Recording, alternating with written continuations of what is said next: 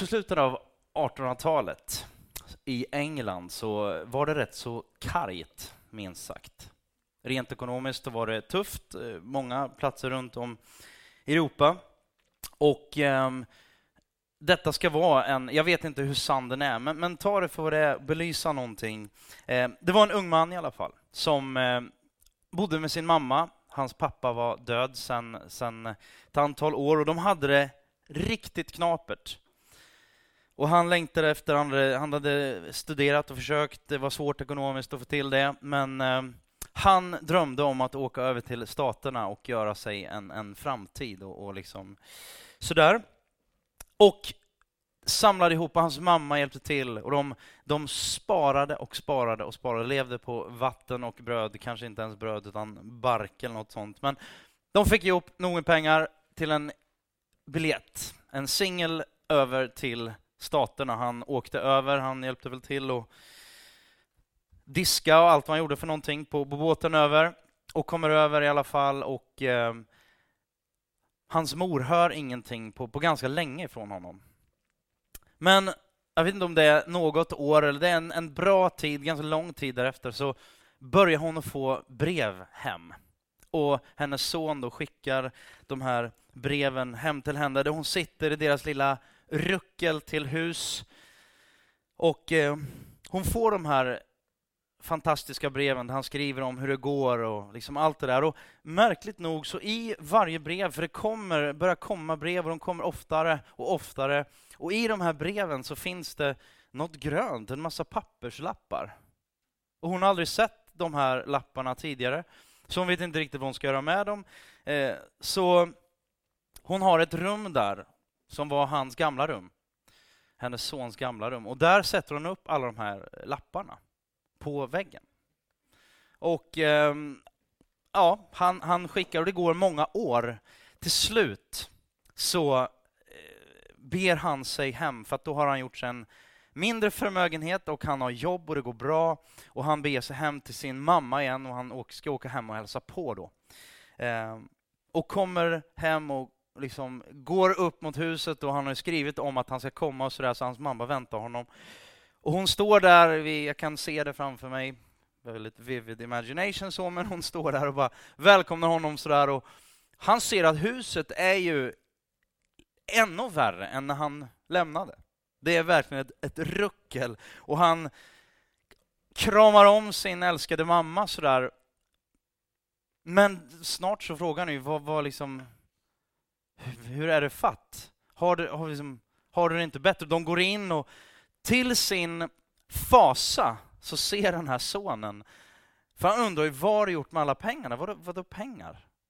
Och så går de in och så ser han då att hans mamma inte använt en enda liksom, av de här papperslapparna, pengarna. Har inte använt någonting av det för att hon förstod inte vad det var för någonting. Jag tror att det kan vara så. Någon sa att man saknar inte kon förrän hon har sprungit ur båset. Är det inte lätt att bli grymt hemmablind? Allt ifrån hemmablind till att inte inse vilken, vilken kraft man, man har, vilket, vilket liv man har och, och vad mycket man har att vara tacksam över. Och det här ordet potential, I love and I hate it. Det är liksom så här, potential. Det är sådär, mm, smakar gott i munnen för det, det, det, det, smakar framtid. Det smakar liksom så här, vi är på väg någonstans. Men det absolut hemska, hem, mest, mest tragiska på ett sätt. Någon sa att den rikaste platsen på jorden, det är kyrkogården. För där ligger det mycket potential begraven. Och det är ju lite tragiskt. Man önskar ju att all potential skulle ha liksom blommat ut och kommit fram. Eh, och inför och innan vi läser dagens text då, så vill jag bara titta tillbaka lite i backspegeln och, och ta fyra eh, korta bara sådär, vad är det för någonting som Paulus, för det är, det är faktiskt mycket av det som han lyfter upp. Han vill, han vill visa att, hallå, ni sätter upp de här, och i kyrkorna, som kristna, ni sätter upp era billigt talat då, era dollarsedlar, de här pengarna, ni sätter upp dem på, på, på väggen och har det som en slags klenoder, eller ännu värre. Det värsta jag kan tänka mig är att man skriver det på ett fat och sätter det på väggen. Det måste vara det hemskaste som finns. Efesierbrevet 1 och 3. I Kristus, från, alltså vad är det för något vi har? Alltså i Kristus har Gud välsignat oss med all den himmelska världens andliga välsignelse. Efesierbrevet 1 och 5, två verser senare.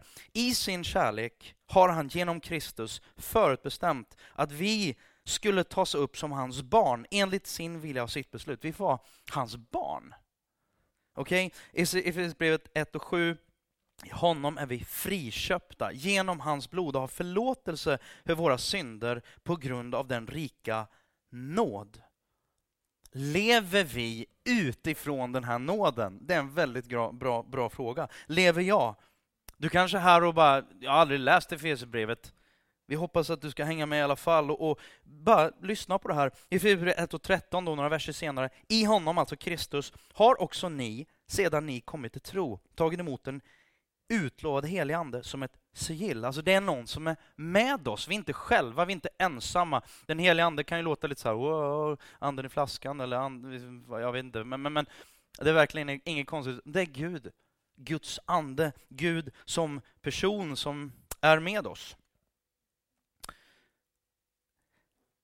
Så nu kommer vi då, vi börjar närma oss näst sista delen och vi kommer eh, nära slutet här då. Och man kan väl säga, för att sammanfatta Efesierbrevet, så handlar det just om identitet. Vilka är vi? Vad är det vi har? Och, och, och jag skulle vilja säga så här att alltså, du är ju inte det du gör. Vi killar, kanske också ni tjejer, men speciellt vi killar, det är så här, vi träffas, vi möts första gången. Vad är en av de absolut första frågorna?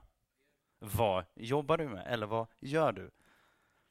Ehm, och på något sätt så, så kanske man tycker att man bedöms utifrån vad man gör och allt det där. Och i vårt samhälle så, så, eh, så är det där lite för viktigt många gånger. Inte alltid, men lite för viktigt många gånger tycker jag. Vad gör jag? Status. Vad, vad, eh, hur mycket tjänar jag? Det kanske man inte säger, men någonstans så sänder man signaler och, och liksom jag är viktig och allt det där. Men min identitet, det bör ju inte vara så att om man tittar på lite djupare nivå, att jag inte är vad jag gör. Alltså, det jag gör definierar inte den jag är. Och det är väldigt tydligt från skriften, från Bibeln. Jag, liksom, jag, jag lyckas alltid, tycker jag själv, och jag är bra, jag är uppnosig, jag liksom blir, blir någon slags, ja, ganska dryg och, och, och tycker att I got it all together. Bibeln säger you don't got it all together. Och en annan då känner bara, nej men jag är värdelös. Jag, är liksom, jag duger ingenting till. Det är bara liksom crap allting och jag kommer aldrig att nå upp till Precis, och då säger Bibeln så här, nej men allting med dig är inte crap. Gud har skapat dig, och även om allting på ett sätt då är crap på grund av en fallen skapelse, så ser Gud på dig, om du tar emot Kristus, det här uttrycket i Kristus, som han då, Paulus, kommer tillbaka till många gånger. Någonstans så bara, ja men den kristna tron handlar om att inte bara ja men nu ska vi vara snälla och bla bla, alla de där sakerna. Alltså, du är inte vad du gör. Utan du gör saker, och det är hit som Paulus kommer då, du gör saker förhoppnings, förhoppningsvis då, för att du är någonting. Det är väldigt stor skillnad. Det är liksom, vi, vi, vi säger så här att ja, men, du är inte en syndare för att du syndar, utan vi syndar för att vi är syndare. liksom, vi, vi, kan inte... Vi, men å andra sidan, vi är i Kristus. Om vi är i Kristus, om vi är funna i Kristus, så säger det liksom, ja, men undervisning vi har hört under våren och hösten, att vi har blivit frälsta, räddade, friköpta, adopterade av nåd. Att, ja, men helt enkelt, vi får tillhöra Gud av nåd. Det är inte för att vi har förtjänat och varit duktiga, woho, utan för att Gud är god. Och han är stor och han är mäktig. I Efesierbrevet 6 då, Tag därför på er, dagens läsning 13-17. Ta därför på er hela Guds vapenrustning så att ni kan stå emot på den onda dagen och behålla fältet sedan ni fullgjort allt. Stå alltså fasta, spänn på er dagens eh, Spänn på er sanningen som bälte. Dagen ska vi spänna på oss. Nej, sanningen som bälte kring era höfter och klä er i rättfärdighetens pansar och sätt som skor på era fötter den beredskap som fridens evangelium ger. Ta dessutom trons sköld, med den kan ni släcka den ondes alla brinnande pilar. Ta emot frälsningens hjälm och andens svärd som är Guds ord. Samma versar, men jag vill läsa från en engelsk översättning som heter The Message. Be prepared. You're up against far more than you can handle on your own. Punkt. Det är rätt tydligt. I like. Take all the help you can get. Hallå? Varför är det så svårt att be om hjälp? Varför är vi sådana att vi, vi, vi, vi kör på? Nej, men jag, svensk bara, själv är bäste dräng. Och så kör jag på. Tills det går åt pepparn och det inte finns något annat, det finns ingen annan väg. Då bara, okej okay, Gud, nu vänder jag mig till dig. Istället för att man bara, nej men jag vill inte att mina barn, jag vill att mina barn, jag har tre, jag vill att mina barn, när det går åt helvete, då, då önskar jag att, att vi har en relation så att de vänder sig till mig. Men det är ju sorgligt om de, bar, om de väntar tills det går åt skogen. Det är kul att ha lite så här, kan vi inte, kan vi inte ha lite mer relation än så? Så här, pappa betalar attityden. Liksom. Det är inte, ja, en slags blandning däremellan. Men take all the help you can get. Every weapon God has issued so that when it's all over, but the shouting you'll still be on your feet. Truth, righteousness, peace, faith, and salvation are more than words.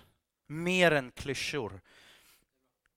Learn how to apply them. Använd de här. Och det kommer vi till idag. You'll need, to, you'll need them throughout your life. God's word is an in, indispensable weapon. Gud, eh, eller Paulus eh, rättare sagt, här skriver om eh, Guds vapenrustning. Vad är det för någonting? Jag vet inte hur, hur du är, men, men eh, det kanske känns som det här ligger väldigt långt ifrån dig. Jag vet inte, ibland, är det någon som har gjort militärtjänstgöringen, lumpen, någon fler än jag?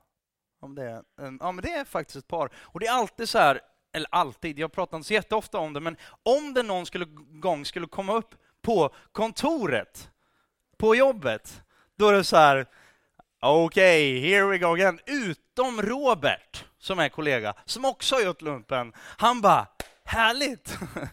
Nej, inte riktigt så, men, men ja. Paulus i alla fall, han pratar om krig och han pratar om liksom så här, han använder den här bilden. Och jag, det är ju inte speciellt märkligt, för att man ska veta när han skriver i Efesierbrevet, då sitter han fängslad, han sitter eh, fängslad för sin tro, för sin övertygelse om att Jesus Kristus inte är död utan lever. Um, och den romerska ockupationsmakten tycker inte det här är så superbra, så de har fängslat Paulus. Han var alldeles för jobbig och, och höll på att prata om det hela tiden, så att folk blev liksom frälsta och förändrade och började göra massa bra saker. Så att det tänkte de, det här är inget bra, så att vi spärrar in honom. Och då sitter ju han naturligtvis då med romerska soldater. Och då har han rätt mycket tid på sig att titta på den här romerska soldaten. Bara, okej, okay, han har de här sandal, liksom skorna. Han har så sandalskorna. Han har något bälte där och han har en rustning och han svärd och en sköld och en hjälm. Och så, här, så bara, ja, men, och så börjar han, och, och, det var ju så här att den romerska ockupationsmakten, de, de var rätt duktiga på att synas. Och det var parader. Alla på den tiden visste ju hur en romersk soldat såg ut. Man visste liksom sådär. Så att han använder den här bilden av en, en, en, soldat som en metafor, en, en bild då, för att förklara och bara lyfta upp några grejer. Jag tycker det är väldigt, väldigt snyggt gjort. Um, men det är ändå så. Han beskriver också att det är faktiskt det här ordet krig och eh, liksom, jag vet inte hur du känner, men, men för mig är det, kalla det vad du vill, men alltså det är ju en kamp. Jag vet inte hur du känner, men, men eh, det är ju inte så att, att de, de jobbigaste frågorna i, i, i mitt liv är de Nej, men liksom vad som händer långt borta. Och, och, det, kan vara, det kan vara tufft, och det kan vara, men det som ligger väldigt nära och som är riktigt jobbigt, det är ju den här inre, den inre kampen på något sätt som du Linus bad nyss, låt mig, eller hjälp mig att vara för min fru, den alltså, för mina barn, för, liksom, för mina medmänniskor, att finnas där och vara så kärleksfull som jag, som jag kanske på något sätt, min dubbla natur, lite så här Dr Jekyll, Mr Hyde, problemet som, som i alla fall jag har. Skönt att ingen av er är Nej men alltså det här, man vill men ändå så lyckas man ju inte. Men någonstans så, så inser jag, jag menar, varenda morgon när man vaknar upp så är det ju en kamp. Speciellt på morgonen för mig. Det, jag vet inte varför. Det är liksom så här, Ja, jag har, jag har lite, alltså, från att jag var liten, så, så bara, när jag var liten kom jag ner, satte mig, det har ingenting med det här att göra. Men i alla fall så, se, gå, jag, kom, jag ser mig, kommer kudden så här, och så går man ner och så sa jag alltid, mamma, jag, mår, jag känner mig inte riktigt bra. Och jag kände mig inte riktigt bra. Och så fick jag sitta i mammas knä ett tag. Och sen efter ett tag så kände man sig bra. Och då var man redo att gå till skolan. Liksom så här. Men det är ett krig, det var det jag skulle komma åt. Nu, nu så. Ehm, och grejen är så här, Paulus bara, hallå, fattar ni inte? Jag har pratat hela Efesierbrevet om allt som ni har i Gud. Hoho, hallå, kom igen, kom ihåg. Och inte bara kom ihåg och, och liksom så här, sätt upp det på en tallrik på väggen. Varför gör man det? Nej, varför? Alltså ord som de här då, som, som sanning, rättfärdighet, fridtro, frälsning, ständigt återkommande ord. Låt oss använda dem, tillämpa dem, göra praktik av dem. Vi kämpar i våran, våran alltså det kristna livet, ibland så bara, ja men följ Gud så blir allt bra. Nej, men följ Gud så kommer allt bli jättejobbigt. Ja, men det, det, alltså, jag tror inte det blir lättare, kanske inte blir lättare eller svårare. Jag, jag tror bara så här att det är, för alla människor så lever vi i en komplex värld. Där det är svårt att vara människa. Har du tänkt på det? Jag har tänkt på det nästan varje dag. Varför är det så, så lätt att göra fel och så svårt att göra rätt? Det, det, går av bara farten att, att liksom så här screw up. I alla fall för mig. Men, men ja, det är märkligt. Vi, vi, vi kämpar i krigar, om du använder Paulus där då, våra, mot våra tillkortakommanden, vår, vår egen syndfullhet, synden i andra människor, tillkortakommanden, elände i andra människors liv, som sätter snarskank för mig. Oftast är det ju andras fel, eller hur? Kom hon som bara... Orättvisa. Nej, det är orättvist. Det mesta känns ju liksom så här orättvist. Det är tuffa omständigheter, frestelser. Och sen till råga på allt kommer man hit till den här flippingkyrkan och tänker att här får man en fristad, men inte. Fylld av idioter som jag. Fylld av ärligt talat, det finns ingen plats där man får en helt så här, här är safe. Det är hyfsat safe. Det kan bli lite safe om vi säger så här, det här är inte perfekt.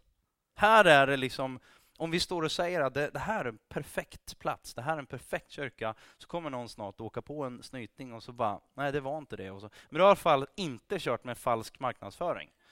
Utan det är crap, liksom. Och sen så under promise, over deliver. Ja.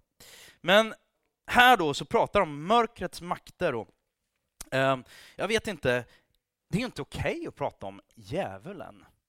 Alltså det är ju Sverige 2013. Djävulen är ju en liksom, nidbilden är en fet gubbe, röd, horn och sen en flipping hö gaffel. Det är så här, man går och käkar på Jensens Buffhouse, då har de en liten liksom fet jävel som, som sitter på väggen så här. Man bara, vad liksom märkligt. Och, och jag men, det är en serie som jag och Linda följer, det är Homeland. Och då har man ju liksom så här, terroristen och, och man vet inte vem som är vem. Och, och, liksom så här. och det är det som är hela poängen. Om du som terrorist och fiende kan vara och, och röra dig helt obehindrat för att nej men vi tror inte att du finns. Det är ju det mest bästa, fantastiskt läge för en turist, eller hur? Och lite så tror jag att det är. Alltså om vi nu inte hoppar från dike till dike, men det finns en ond, the dark side. Det finns, en, det finns onda makter. Bibeln talar om djävulen, Satan, ondska, som inte vill ditt bästa. När du ibland bara, men shit, nu går det inte riktigt som jag hade tänkt här. Antingen så är det kanske bara så att du har gjort lite fel val. Men någonstans finns det finns ondska som vill ditt absolut värsta. Och det är ett krig. Och där så börjar Paulus med att bara, det är så viktigt att förstå att vi, våran, våran, vårat krig, eller det kriget som, som vi står i, när man är i Kristus, då är det som att du spelar tennis på Wimbledon och det är bäst av fem set. Du har vunnit tre, då slutar man ju matchen. Men vi låt säga att man slutar inte matchen, utan man fortsätter och kör bara för kul. Ja, men, men i alla fall, inte så bra bild, men i alla fall. Du har vunnit matchen, men du har fortfarande två set kvar. Du bara spelar och så bara, frågan är mer hur du ska vinna matchen. Hur mycket stilpoäng? Jag vet inte riktigt, men, men bara kort vill säga, vi strider inte för att vinna seger. Vi har seger och vi strider utifrån det. Väldigt stor, stor skillnad. Punkt nummer två. Vi kallar det att stå. Det är ett sånt där ord som upprepas ett par gånger. I Efesierbrevet 10 då, till 14. Till sist, bli starka Herren och hans väldiga kraft. Så kommer det här igen då. Ta på er hela Guds vapenrustning så att ni kan stå emot djävulens listiga angrepp. Ty vi strider inte mot kött och blod utan förstar och väldigheter och världshärskare här i mörkret mot ondskans andemakter i himlarna. Ta därför på er hela Guds vapenrustning så ni kan stå emot på den onda dagen och behålla fältet. Sedan ni fullgjort allt, stå alltså fasta. Alltså det här med att stå, som sagt då, när jag gjorde lumpen. Come on somebody. Pratar ju aldrig om det. Men jag var faktiskt väldigt glad för en sak, många saker, men just det här var jag väldigt glad för. Att det kallades det svenska totalförsvaret inte det svenska, den svenska ockupationsmakten. Jag är väldigt glad att det var liksom den, det förhållningssättet. Det svenska försvaret, den svenska armén och, och eh, liksom flygvapnet, flottan, allting finns ju där för att försvara Sverige, inte för att gå till attack mot andra länder. Väldigt stor skillnad. Um, och jag skulle säga så här att egentligen kan man prata om, om tre kroppspositioner som Paulus utgår ifrån, eller eh, rättare sagt beskriva vad Paulus talar om. Och det första är sitta, alltså vilande, sitta, någon slags aktiv vila. Kapitel 1-3 till exempel, där han talar om vad vi har och bara så här, var trygga, var lugna, vila i Gud, det är lugnt liksom. Du behöver inte stressa upp över allting. Dina tillkortakommanden, liksom, gå med det till Gud, men det är inte panik. Vila i Gud. Gud har kontroll, Gud är stor, han är så stor. Så vår position i Kristus, igen då det här uttrycket, är att vi är ett någon slags aktivt viloläge. Det var lite kul just i lumpen. Är ni okej okay med så här, lite så här lump? När man skulle göra, för jag, jag, jag var ju en av de här jobbiga personerna som, som eh, liksom var ansvarig, sergeant. Och så var det så här på morgonen, då gick det lite så här mellan oss sergeanter och alla sådär, men då var det så här, när man gjorde armhävningar, då sa man inte nu ska vi göra push-ups. Då sa man så här, färdigställning för aktiv vila. Det var liksom lite coolt, så här tyckte man nog.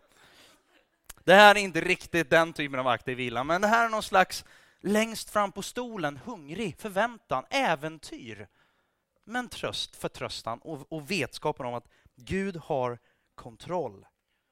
Nästa då, kapitel 4 till, till 6. Början av kapitel 6 då, eh, handlar om att vandra. Alltså ta det här, den här vilan, och så reser man sig upp och så börjar man gå utifrån, fortfarande med den här vilan. Men man börjar gå med den här vilan, vetskapen, och så börjar man omsätta det här på riktigt. Börjar gå. Och sen, faktum är, och det jag kommer till nu då, det är att det handlar om att ibland bara stå. Du behöver inte röra dig, du behöver inte fightas, men du, du behöver stå. Du behöver kunna stå still, stå stabilt och lita på när allting, när det blåser, när det snöar, när det haglar, när det är elände. Då står du. Det finns en, en story från Gamla Testamentet i en bok med ett underbart namn på något sätt. Daniels bok. finns det tre killar där i kapitel 3. Sadrak, Mesak och Abednego. Kompisar till Daniel, profeten Daniel, och de var i Babylonien. De hade en kung, Nebukadnessar, och han sa så här att han skapade en bildstod någonstans, de tror den var 35 meter hög, och det var så här, alla ska tillbe den här bildstoden. Och när vi sätter igång musikerna och pukorna och harporna och hela rubbet, där är Andreas, eh, då ska alla falla ner och tillbe den här bildstoden. Och de trodde på Gud, de, de bara, nej men vi kommer inte att tillbe någonting annat än vår Gud. Aldrig. Och då, då står det bara så här, när alla andra föll ner så stod de kvar. De stod kvar. Och sen är det ju liksom den här storyn då när, när alla faller ner och han blir vansinnig på de här.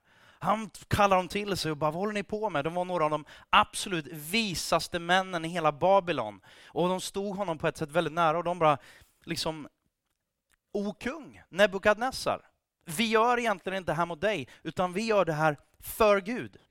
Det är rätt stor skillnad också, vi är inte emot dig, vi är bara för Gud. Och ibland så krockar det där, för du kan inte ta Guds plats, o kung. Den här världen vill ta Guds plats dina pengar, din karriär, din... Liksom, men problemet är om vi böjer oss och vi tillber, vi liksom faller ner för allt som den här världen har att ge, så kommer vi att misslyckas. För då står vi inte kvar. Sadak, Mesak och Abednego stod kvar, då sa han så här, då gör vi det här igen, säger Nebukadnessar. När musiken spelar, då faller ni ner, alla faller ner, och så gjorde de det igen. Och vilka står kvar? Enerverande för den här kungen. Och han sa, om ni inte gör det så kasta in er i en brinnande ugn. Och det gjorde han, kasta in dem i ugnen, stor eld. Och vad händer? Han står och kikar in och han sa, kastar vi inte in tre pers där? Nu är det ju fyra där inne. Och en ser ut som en ängel från Gud. Jag tror inte att det här bara är någon slags liksom, man kan ju grundläggande säga så här, det låter ju väldigt liksom, sci-fi eller vad det nu ska, liksom, fantasy eller vad det är för någonting. Jag skulle bara säga så här att om det finns en gud så är det här ganska logiskt. Men i alla fall så, de stod kvar. De fightades inte, de, de stod inte på barrikaderna och bara nu ska vi kämpa emot. Utan de bara stod. De behöll fältet. De var trygga i, de sa faktiskt så här till kung Nebukadnessar. De sa så här, kung Nebukadnessar, vi kan inte böja oss inför dig. Vi kommer bara böja oss inför Gud, vad du än gör. Och kastar du oss i den brinnande ugnen, då kan Gud, då, han säger, då kommer Gud rädda oss från den brinnande ugnen. Men även om han inte gör det så kommer vi ändå aldrig falla ner inför dig. What? För det första säger de emot sig själva. De säger han kommer om han inte. Det är så här. Men någonstans så var det unconditional love. Det var inte, okej okay, Gud, om du ger mig det här, om det går, om det går vägen, om mitt äktenskap håller, om det här funkar, om det här, alla de här jobbiga sakerna i livet som kan vara jättetuffa, då kommer jag tjäna dig. De var inte sådana. De sa vad som än händer. Gud, Gud kommer leda mig, Gud kommer rädda, Gud har oss i sina händer. Men även om han inte kommer göra det jag vill, så kommer jag aldrig falla ner för dig. O kung Nebukadnessar. Det handlar om att stå att behålla sin position. Och så säger han då, ta på er Guds rustning. Tag därför, 6 då, kapitel 6, vers 13-17. Ta därför på er hela Guds vapenrustning så ni kan stå emot på den onda dagen och behålla fältet. Sen ni har fullgjort allt, stå alltså fasta. Spänn på er sanningen som bälte kring era höfter och klä er i rättfärdighetens pansar och sätt som skor på era fötter den beredskap som fridens evangelium ger. Ta dessutom trons sköld, med den kan ni släcka den ondes alla brinnande pilar. Ta emot frälsningens hjälm och andens svärd som är Guds ord. Han sitter där och tittar på den här romerska soldaten och bara, okej, okay, han har en hjälm, fin, polerad, snygg. Han har liksom det här pansaret. Och det, här, det, här, det här på något sätt kan jag använda för att beskriva vad det, vad det är för någonting som Gud vill att vi, vi ska ta på oss. Var beredda. Alltså en romersk soldat, han var som de svenska scouterna, alltid redo. Men var redo att gå till strid i lumpen. Come on somebody. Så var det alltid sådär, man, på morgonen så var det ju visitering. Alltså var det inte jobbigt Linus? Och så var, jag den som visiterade då. Det gällde att man själv hade rakat sig. Det var liksom så här. Så gick man fram och så skulle man stå i vakt och så synade man från topp till tå. Och hade man någonting så här, du har lite, liksom, du har glömt att raka dig idag. 109 Jonasson, nu är det dags att gå tillbaka. Så får man skämmas lite grann. Så får man göra 50 armhävningar och så, ja, ni vet hur ja, det skulle kunna vara. Så är det inte riktigt här. Men, men någonstans så var det viktigt hur man, att man hade koll på detaljer. Hur man, så jag tror att de här romerska soldaterna, jag tror att de hade koll på detaljer. De var rätt så, de, de var noggranna. Och jag tror att det är dags för oss att vara lite mer noggranna. Inte lagiska, inte, utan vara lite passionerade över vilka vi är och var vi är på väg. Eller? Sanningens bälte i Efesierbrevet 6 och 14. Vi börjar med bältet då, för att ta det i den ordningen som Paulus tar det. Stå alltså fasta, spänn på er sanningen som bälte kring era höfter. I Gamla Testamentet avbildas Gud själv faktiskt på några platser eh, som krigare på uppdrag att befria och beskydda sitt folk. Han strider för oss. Till exempel i Jesaja 11 då det står det så här, rättfärdighet kommer vara hans bälte och trofasthet skärp runt midjan. Vad är det här nu då? Alltså det här bältet. För en romersk soldat var förmodligen bältet det mest centrala. Det höll egentligen ihop hela hans rustning, på mitten. Mycket var liksom upphängt på eh, det här bältet. Det liksom hölls ihop av det här bältet. Och kanske det mest centrala därför. Eh, det var inte bara ett bälte, utan det var förmodligen här också då ett, ett läderskynke som skyddade kroppen och benen och, och, och, och eh, vissa andra delar eh, från hårdheten i pansret. Och eh, det här sitter liksom innanför. Det syns inte så mycket. Det sitter på insidan. Vilket för oss och tankarna då, det Paulus vill säga med det här är ju inte ett fysiskt bälte naturligtvis, utan det är någonting annat. De inre delarna. Först och främst måste vi landa i, om vi ska ta på oss sanningen som bälte, vad är sanning för någonting? Objektiv kontra subjektiv sanning. Finns det något sånt i ditt liv som du kallar för det här är en absolut sanning? Rent filosofiskt, finns det någonting som är en absolut sanning? Det är en väldigt viktig fråga skulle jag säga. Då vi undervisar från Bibeln och inte framförallt Daniels tankar så säger ju Bibeln att Gud är den enda som har sanningen. Det står om Jesus, han, var, han är vägen, sanningen och livet. Han säger inte det finns en massa sanningar. Han säger jag är vägen, sanningen och livet. Ingen kommer till Fadern, ingen kommer till Gud utan genom mig. Det är väldigt konfrontativt humanismen som, som, som ja, vi tycker det är någonting nytt på, på liksom 1900-2000-talet. Det är inget nytt alls. Det är kanske är ett nytt ord. Men det handlar egentligen bara om en sak. There's a new sheriff in town. Jag styr över mig själv, inte Gud. Jag ifrågasätter Gud, Gud ifrågasätter inte mig. Jag bedömer Gud, inte Gud bedömer mig. Jag bestämmer, jag definierar Gud, inte, in, in, in, inte tvärtom. Om Gud är Gud så finns det en absolut sanning. Om man inte är det så finns det ingen absolut sanning. Då skulle jag säga så här, då är det ju up for grabs, vad som helst. Om jag, vill, om jag får provocera er lite grann då, då är ju ingenting förbjudet. Varför? Ja, dels då, vi, vi bygger våra lagar på moral och etik och någon slags medmänsklighet. Men om det inte finns någon högre makt, vad är det som säger att, att sex med barn är fel? För att provocera lite grann? Vad är det som säger att, att en massa saker som vi tycker är hemskt, vad är det som säger det? Ja, jag säger det, han får ont, eller hon får ont, eller krig och mörd, eller liksom mord. Och, varför, varför är mord fel då? Ja, men därför att, och så har vi... Men om du drar det här till slut, liksom bara, varför?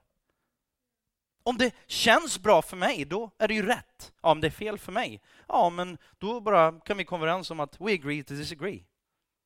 Och så har vi ett elände.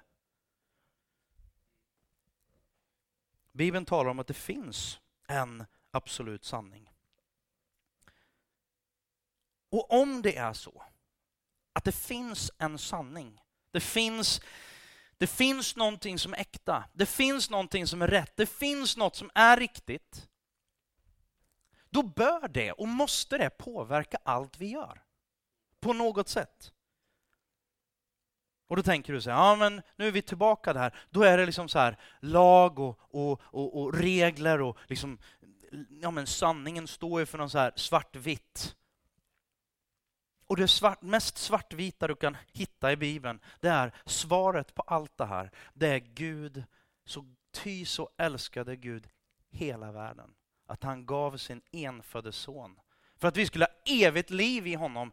Och sen säger han så här, älska Gud av hela ditt hjärta, hela din själ, av hela ditt förstånd, av allt du är och älska din nästa som dig själv. Där har du lagen. Visst är den jättejobbig? Den är tuff, men den är inte, det är inte en regelbok. Det, är inte, det finns en höghet. Gud är Gud, han är inte jultomten. Han är Gud. Han är vår himmelske far och han älskar oss. Vi behöver stå fasta, stå fasta i sanningen. Rättfärdighetens pansar, nummer två då. Efesebrevet 6.14. Klä er i rättfärdighetens pansar. Jesaja 59 säger han klädde sig i rättfärdighet som ett pansar och satte frälsningens hjälm på sitt huvud. Där har vi två av, av de bitarna av den romerska soldatens utstyrsel och rustning. Eh, vad gör den här rättfärdighetens pansar? Den täcker främst framsidan. Det var väldigt lite, eh, tyvärr kan man ju säga, eh, som täckte baksidan. Och där, bara för att slänga in den också, så är det väldigt viktigt att de hade någon som skyddade baksidan. Den romerska ockupationsmakten hade ju som, de var som tanks och de, de, de gick i formationer. Och det var inte bara liksom tröga formationer, utan de var väl genomtänkta. De hade stora sköldar, vi kommer till det, stora sköldar som täckte en hel man. Men med dem, ni har sett det på film, de sänker sig ner och med dem den ena håller eh, skölden fram, den andra håller skölden på sidan och en annan håller skölden över. Och så gick det så här så att de täckte när det kom skurar av pilar och, och eh, liksom fienden sköt med, med sina eh, pilar så kunde de skydda sig. Och de skyddade sig på alla kanter när de stod tillsammans. Det är en annan predikan, de måste stå tillsammans, men, men bara för att nämna det. Rättfärdig, färdig i rätten. Det är ju rätt så hett nu med advokatsamfundet och, och, alla som håller på det här med kring Sture Bergvall och allt elände. Sådär. Men hade det varit ett elände att få honom färdig i rätten, så kan man ju liksom bara konstatera det. Men i, inför Gud, så när du är funnen i Kristus så är du färdig i rätten. Done. It's a done deal. Du är fri. Not guilty, står det över ditt liv. Inte för att du inte är guilty, utan för att Gud har gjort ett verk i Kristus. Positionen, att vi är funna i Kristus. Vi är färdiga i, rätt, i rätten. De flesta av oss tänker, jag, måste, jag måste vara duktig, jag måste vara bra, jag måste... Och det är väl inget dåligt med att försöka vara älskande och kärleksfull. Men om vi kör med det, om vi tänker att min ställning inför Gud, den, jag måste fixa den själv, då är vi körda från början. Not guilty, säger Gud, om du är funnen av honom i Kristus, om du tar emot Kristus. Skor på era fötter. Det är alldeles strax, jag kommer gå ner för landning här nu, men skor på era fötter, Efesierbrevet 6 och 15. Sätt, på era skor, eh, sätt som skor på era fötter den beredskap eller villighet som fridens evangelium ger. Den romerska soldaten bar ofta en speciell sko, eller snarare då sandal, som var tanken med den, det var inte att springa 100 meter, utan det var att marschera timme efter timme, dag efter dag efter dag och gå långt. Marschera långt. Och jag tror att Paulus här påminner oss om flera saker, men han påminner oss också om vår uppgift och, att i livet handlar inte om att springa ett, ett kort lopp. Inte minst idag, Sverige 2013. Det går så snabbt, jag har så mycket att göra och dittan och dattan. Och vad är mitt liv? Vad handlar det om? Att gå i takt med Gud, det är en intressant och spännande företeelse. Att inte bara säga Gud välsigna dit jag går, utan säga Gud, vilka vägar har du välsignat? Dit vill jag gå. Det är inställningsskillnad. Eh,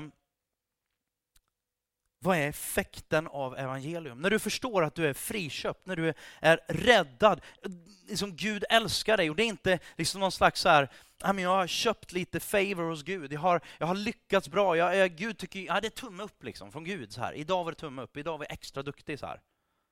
Nej men det är inte så. Utan Gud bara, du är mitt barn, låt oss bygga en relation tillsammans. Men där handlar också om att någonstans, vad händer när jag inser det här? Det borde ju, rimligtvis borde det vara en tacksamhet. Och en, Bibeln säger villighet, eller här då beredskap, en villighet att, jag menar om jag har fattat någonting, jag har fått någonting, vad händer när man får, man vill ge? Om man har förstått vad det är man har fått. Och så bara, då vill man ge. Och, och om man har fått frid, inför Gud, den här rättfärdigheten. Jag, jag är klar i rätten, jag behöver inte gå dit igen i domstolen. Jag fick nåd. Som jag sa för två veckor sedan. Clinton, Bill Clinton, under sitt sista dygn så benådade han sin bror som satt fast för, eh, han blivit fälld för narkotikainnehav och en massa elände. Han benådade honom under sitt sista dygn som president, för det kan presidenten göra. Benådade honom och därmed, därmed faktiskt så, så ströks allting ur brotts och straffregistret för hans bror. Beredskapen och villigheten skor. Vad händer när man får ta emot sån nåd? Ja, förhoppningsvis så blir man glad. Och förhoppningsvis blir man inte bara glad för sig själv, utan man tänker bara, jag ska göra något gott med mitt liv. Jag vill investera mitt liv i andra. Eller? Jesaja 52 säger, hur ljuvliga är inte glädjebudbärarens fotsteg när han kommer över bergen och förkunnar frid. Bär fram goda nyheter och förkunna frälsning och säger till Sion, Sion Gud är konung, eller din Gud är konung. Trons sköld, Efesierbrevet 6 och 16. Ta dessutom trons sköld, med den kan ni släcka den ondes alla brinnande pilar. Tro, det är inte något som du och jag stånkar upp. Ja, idag har jag stark tro. Utan det står till och med eh, i den engelska översättningen i Korinthierbrevet står det så här. The faith of the son of God. Alltså, vi har Kristus tro. Vi har fått Kristus tro. Det är inte bara, ja men det är min, jag, jag som pumpar upp någonting, utan det är något jag har fått. Och något som jag aktiverar. Och när jag lyssnar, det är en av anledningarna till varför vi, varför vi har startat United i Stockholm. När du, alltså hur kommer tro? Tro kommer när du lyssnar på predikan och predikan av Kristi ord och Guds ord, han som är upphovsmannen till tro. Jag tror ju inte bara att tro eh, bara tro i sig själv har inte frälst någon. Eller liksom på ett sätt, jo det kan hjälpa någon, det håller jag med om. Det ger ju någon slags hopp.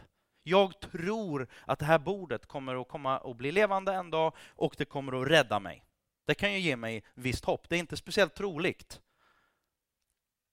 Men om det är ett, en, en tro som Alltså det handlar inte om din tro eller storleken på din tro, utan det handlar om storleken på den du tror på.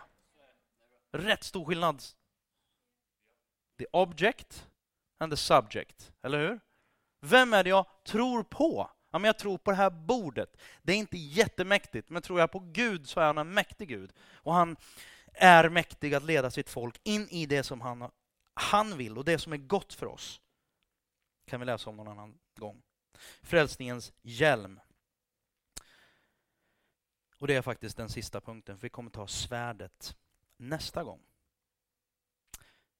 Ta emot frälsningens hjälm. Återigen så vill han bara, han vill påminna oss.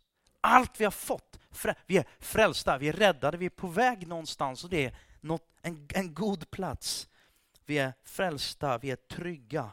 Eh, men också att det inte bara det var något som hände någon gång för länge sedan, eller förra veckan, eller vad det nu är för någonting, eller idag. Jag blev frälst, jag blev räddad, jag, jag tog emot och jag kom och jag hann, eh, han, fann, blev funnen i Kristus. Jag accepterar, jag tog emot. Gud, jag är funnen, låt mig bli funnen i dig. Det är någon slags, okej, okay, någon avstamp, men det är knappast något slut. Det är ju bara en början. Och därför är det väldigt viktigt när man pratar om liksom, det här ordet då, frälsning. Man kan ju bli frälst på, på det mesta idag. Men, men liksom, om vi nu pratar om, om Bibelns typ av frälsning till evigt liv och bli funnen i Kristus. Så jag blev frälst, jag blir frälst. Gud är fortfarande med idag. Han är inte bara, japp, nu är det klart med dig så får du köra på ditt eh, liv där tills du dör. Utan Gud finns med hela tiden. Så jag blev frälst, jag blir frälst och en dag så kommer jag bli frälst. Och den dagen är när han kommer tillbaka. Jag vill avsluta med Romarbrevet 8. Jag skulle vilja be Andreas komma fram och bara spela. Jag tycker det är härligt. Får jag avsluta med att läsa nio versar? Är det okej? Okay? Vad ska vi nu säga om allt detta? Är Gud för oss, vem kan då vara emot oss?